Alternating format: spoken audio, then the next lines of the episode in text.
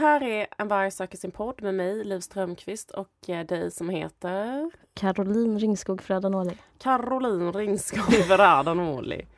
Eh, det lät lite göteborgskt. Ja. Um, eh, jag har ju varit i Thailand. Mm. Asiens Sverige. Mm. En månad. Är du intresserad av hur jag har haft det? Ja. Bra, tack. Nej men det är så intressant med Thailand, för Thailand är sånt... ehm, eh, jag hade liksom inga, inte så mycket, alltså jag har aldrig tänkt att jag ska åka dit så. Men det var i alla fall som ett slags, det är slags, det är så paradisiskt Thailand. Allting i, i Thailand är liksom typ ehm, bara så här, eh, vänta.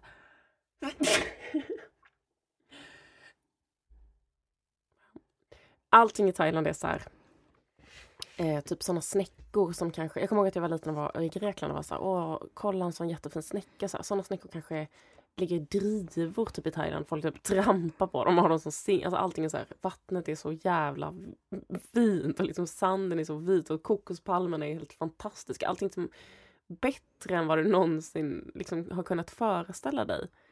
Eh, det är liksom som sånt, sånt parodi på ett sånt eh, eh, vad man föreställer sig som paradis Mm. i liksom Norden.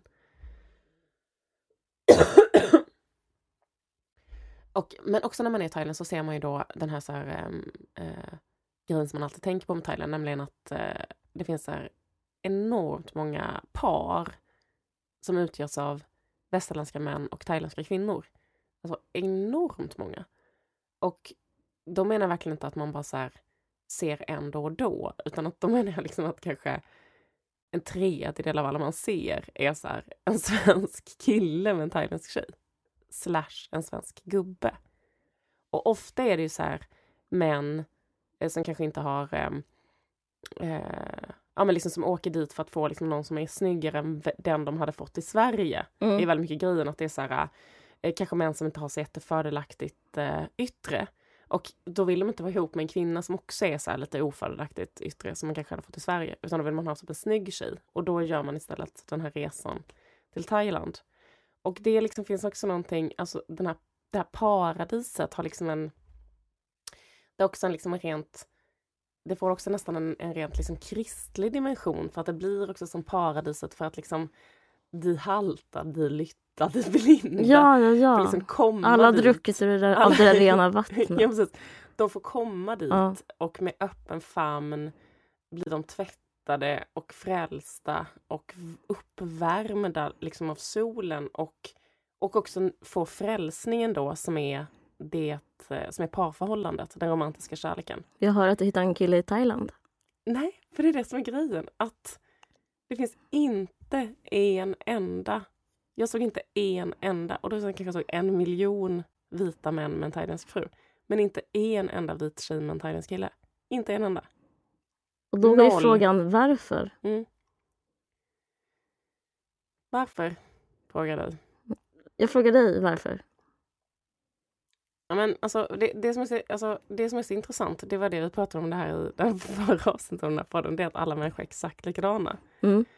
Eh, men också hur extremt styrda folk är av såna normer kring hur... Eh, alltså det här, liksom, jag hör ju på min egen röst liksom så här att man låter som en gammal papegoja och säger så här, folk är styrda av normer. Man bara, ring någon som liksom inte har tänkt på detta. Liksom. men så här, det blir så fruktansvärt övertydligt. För att situationen som de här svenska männen som har, köper en thailändsk Mm. fru eller en, skaffar en thailändsk flickvän. De ehm, har ju... Eh, liksom att för dem så är det lugnt den här grejen att så här, oh, jag tar så en eh, fattig flicka som kanske inte har någon så här, eh, vidare utbildning kanske eller så, som ser upp kanske lite grann till mig, som inte har några pengar, som inte har några utsikter och som är kanske vacker och Mm. så tar jag hem henne också, har jag henne. Men att så här, en, en svensk, kanske 37-årig tjej som känner att hon vill ha barn, skulle typ åka till Thailand och vara så här, jag tar liksom en vacker bondpojke som inte har någon utbildning och jag tar med honom hem och liksom har honom i min lägenhet för att så här, det räcker för mig att han är vacker och snäll och liksom sådär. Eh, det, liksom, utifrån liksom hela genusstrukturen och så, så fungerar inte det. Nej. För det är inte liksom möjligt, som, det är inte attraktivt, vad ska man säga? Mm. Och, ehm, och, och, och, men, men det är intressant att folk är så extremt styrda av det. Mm. Alltså att det liksom inte finns ett enda jävla undantag. Alltså nu finns det säkert ett undantag. Förlåt, förlåt om jag, att jag har ett undantag. Ja, men, ja, För ja. jag var ju i Gambia. Jo, men grejen är att nu kommer vi till det. För Gam i Gambia Ja, är det så. precis. Men jag pratar om Asien. Ja, Och all det är right. det som är så intressant. Jag ska komma till detta sen. Okej, okej. Just det, för, för det håller kvinnor på med i Afrika. Ja, i Afrika så är det... Men tror du att de har det här självförtroendet som slavhandeln har gett dem? Ja, men vet du vad jag tror det handlar om också? Nej. Alltså bara längd. Ah, okej. Att liksom den normen, att mannen ska vara längre än kvinnan, den är så allomfattande så det kanske är ett av våra allra mest grundläggande, det är som incesttabut, typ att det finns så himla implanterat, alltså det finns liksom ingen, ingen, Ja. det finns ingen ursäkt, det finns ingen som fångar det. Utan det är så här, okej att han är typ fattig och kanske från en bondsläkt och så, men att han också är då lite kort ja. jämfört med en västerländsk kvinna. För Du, många du är inne på någonting, du, du vidrör någonting stort här. Jag, jag håller verkligen med dig. Men, sen, men då tror jag att hela den här grejen, hela det här genuskontraktet då, Ja. det kan liksom kompenseras om det är en övermaskulin man ja, för som så, är var lång, det, för så är som det i Gambia och har jättemycket. en svinsnygg kropp. Ja, Men nu vill jag tillägga att de thailändska männen är snygga, eller många är snygga. Eller menar, fast kortare bara. Liksom. Bara lite korta typ. Ja. Men så här, ehm, men jag tror liksom att för att kompensera den här grejen med ekonomisk skillnad och att, man kan, att det är liksom o, det omanliga i att eh, inte vara försörjare, vilket är barockt att folk fortfarande håller på med. Då kan man liksom, vad heter det, väga upp det genom att vara jättelång. Ja. Ett tv-program som jag tycker väldigt mycket om har lagt ner. Eh, Det heter 30 Rock. Har du sett det? Mm. Sista avsnittet gjordes i eh, förra veckan. Det är väldigt fantastiskt. Det är Tina Fey som är en komiker som förflutit på Saturday Night Live bland annat. Det är hennes show och hon har skrivit och hon har regisserat. Vilket är rätt så ovanligt i eh, showbiz överhuvudtaget. Det var liksom en politisk humor och eh, det handlar om en tv-station. Men det jag tänkte på det var att jag såg också Golden Globe-galan där eh, ett eh, program som vi pratade om för några veckor sedan, Girls, Mm eh, de drog hem otroligt många Golden Globes. De vann jätte... Det blev, det blev storslam. Men då lade jag märke till en sak som eh, Tina Fey och det var Amy Poehler, en annan kvinnlig komiker som har tv-programmet Parks and Recreation. Det är en drama, komedidramaserie, också jätterolig. När de tilltalade Lena Dunham, jag, jag, jag tycker mig märka en positiv, ett positivt skifte som hände där. För då så hade de ett jättelångt skämt som handlade om att det är så mycket naket i Girls. Har du sett nya säsongen av Girls? Nej. Det är typ, förra säsongen är också att Lena Dun- Dunham visar bröst och alltihopa liksom, i massa ofördelaktiga vinklar. Det verkar inte bekomma henne alls. Och då så säger Tina Fey, hon har, har någon slags rutin eller en slags skämt på gång innan hon ska presentera Lena Dunhams pris. Eh, Hörru Lena, eh, bara så du vet det, om det känns jobbigt att visa så mycket hud du lovar att du kommer till mig och Amy då så kan, kommer vi ta hand om dig så kommer vi säga till de där gubbarna som får dig att göra det här. Grejen är att det är självvalt för Lena Dunham. Jag tolkar det som det skulle aldrig hända i 30 Rock. Alltså Liz Lemon, den här karaktären som spelas av Tina Fey, hon är superrolig och hon skriver extremt bra satir, extremt bra skämt. Hela serien är fantastisk. Eh, många likheter annars med Lena Dunham som också är själva autören som fix, eh, regisserar, skriver och producerar. Det positiva skiftet jag tycker mig märka är att eh, för att vara en kvinna som kan ta sig fram så, komma fram i showbiz eller komma fram i kulturen så förr i tiden, alltså den generationen som Tina Fey eh, tillhör, så måste man vara pissnygg och asbra och asrolig.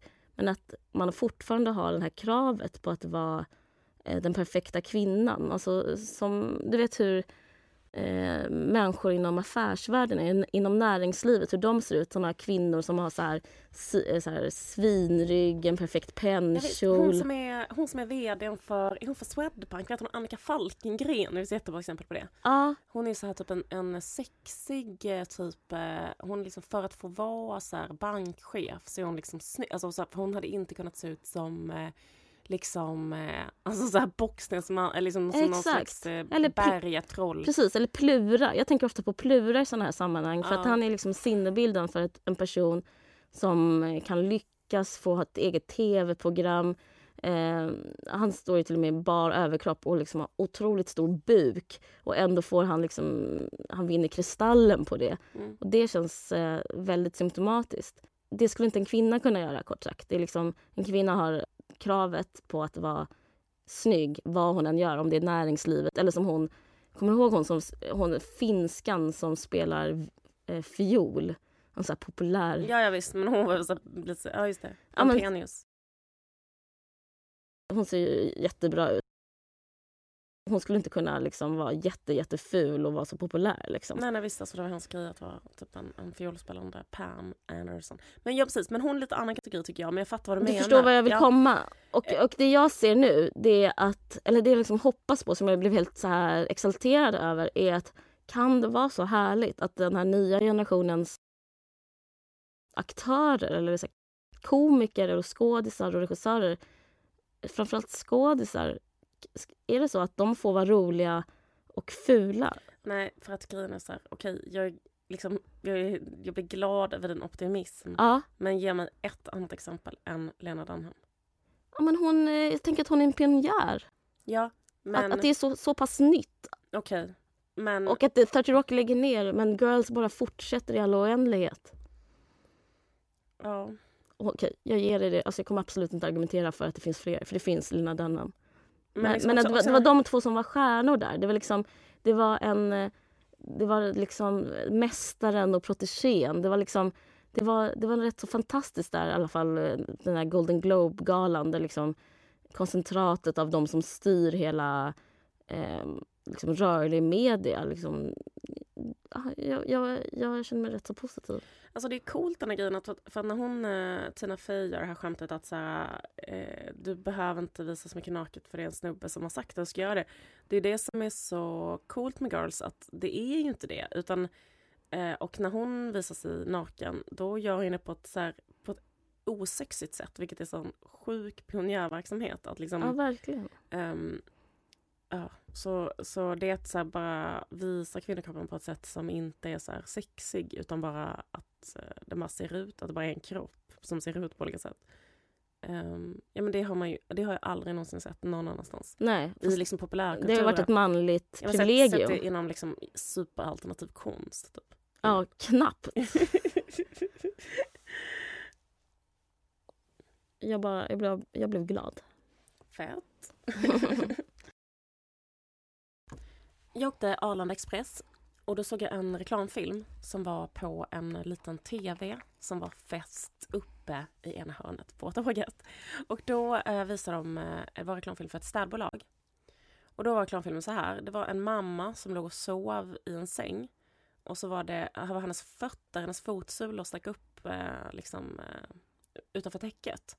Och så var det ett barn, ett av hennes barn målade hennes fot med eh, målarfärg. Eh, och sen sprang därifrån. Och sen så när hon gick upp då och gick till köket så blev det liksom fotspår av den här färgen.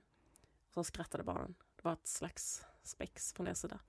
Och då, eh, sen kom liksom då, ja, ring eh, Hemstad, liksom bolaget.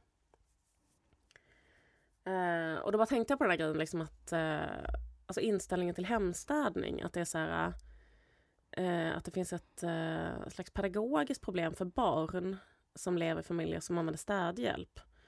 För att eh, i den här situationen, i den familjen, så skulle man ju önska att barnet eh, själv fick eh, städa upp när den hade gjort den där grejen. Men eh, jag blir lite så här rädd för att hela den här grejen med att så här, eh, i och med rutavdraget, att det blir så extremt populärt att använda, liksom, förutom alla andra invändningar man kan ha mot det, så blir det så jävla konstigt i familjer där barnen då liksom lär sig att eh, man typ inte behöver plocka upp sina egna grejer. Eller att man inte behöver städa upp efter sig, för det finns någon annan som gör det. Eh, alltså jag tror att det liksom är väldigt, väldigt, väldigt, väldigt negativt. Alltså att uppfostra en sån generation.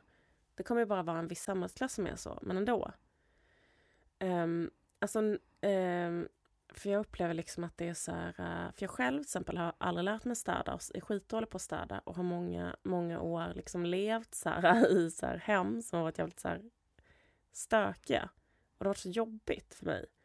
Och eh, jag tänker att så här, eh, den här grejen att, eh, att lära barn städa, att det är så viktigt.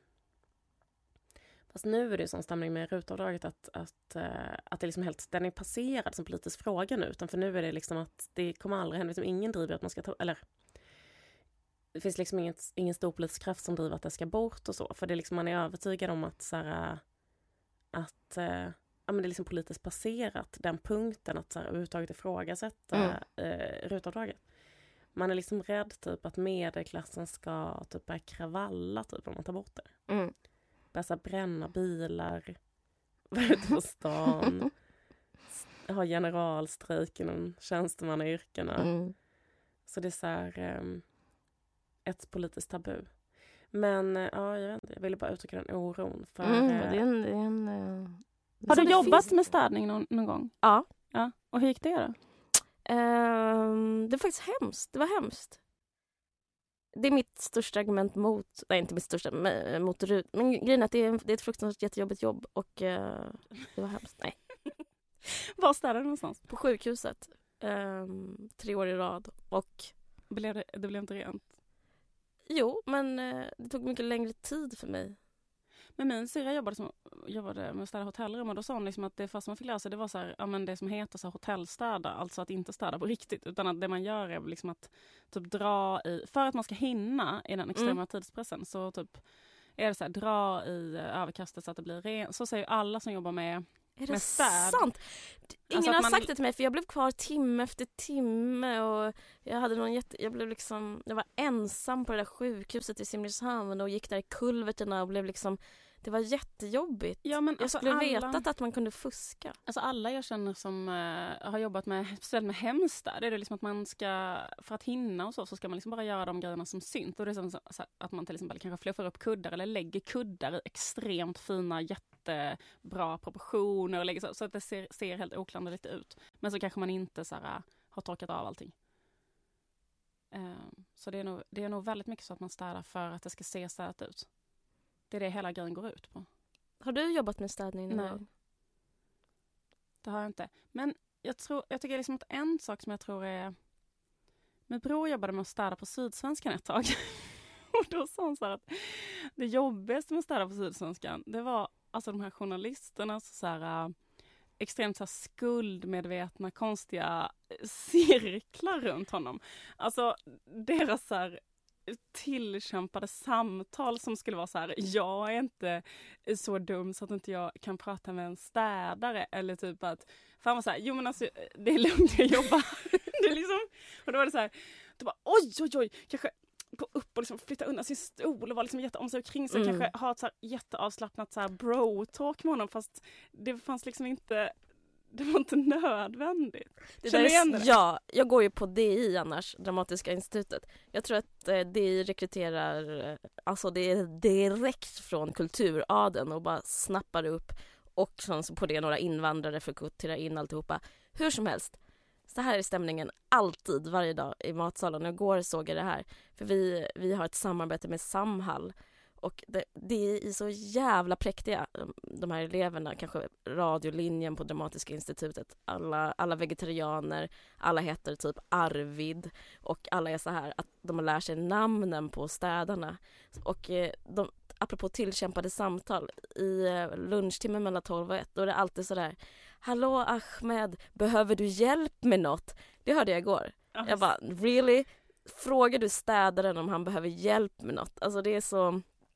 det är så, det är så skuldmedvetet så det, liksom, det bara stänker om Jag det. vet, det är liksom Och det är så här- mycket LOL i det där. Man bara, Men eh, jag är med om det där varje dag på Sveriges Radio också för att det är så här, Ja, också att alla ska så här, bara, exakt den här grejen att de har lärt sig namnen på städerna och sen så pratar med städerna så fruktansvärt mycket. Så det var en städerska som fick så här kritik från chefen för att hon pratade så fruktansvärt mycket med de anställda. Och det var liksom de anställdas sätt att så här, kompensera för klassamhället. ja visst, ja, visst. Alltså att så här, man själv i det privata försöker så här, mm. bygga en bro. Jag är som dig. Ja, eller så här, bygga en bro över det så här, såret som Mm. finns i samhället som växer och växer och är, och är fruktansvärt i grunden. Och då är det så här, varför ska jag då kanske känna så här 20 000 eller 10 15 000 mer i månaden och sitta Mm. på min röv och liksom göra något helt sjukt här på Sveriges Radio, typ skriva skämt.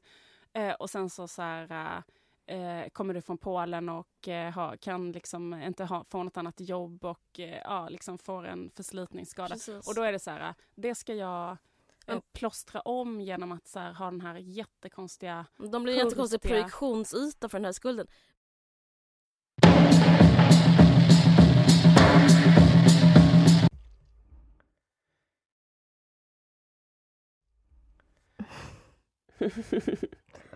Du har lyssnat på en Vargsexen-podd och det är ett samarbete med Expressen Kultur och musiken i början gjordes av Vitpäls.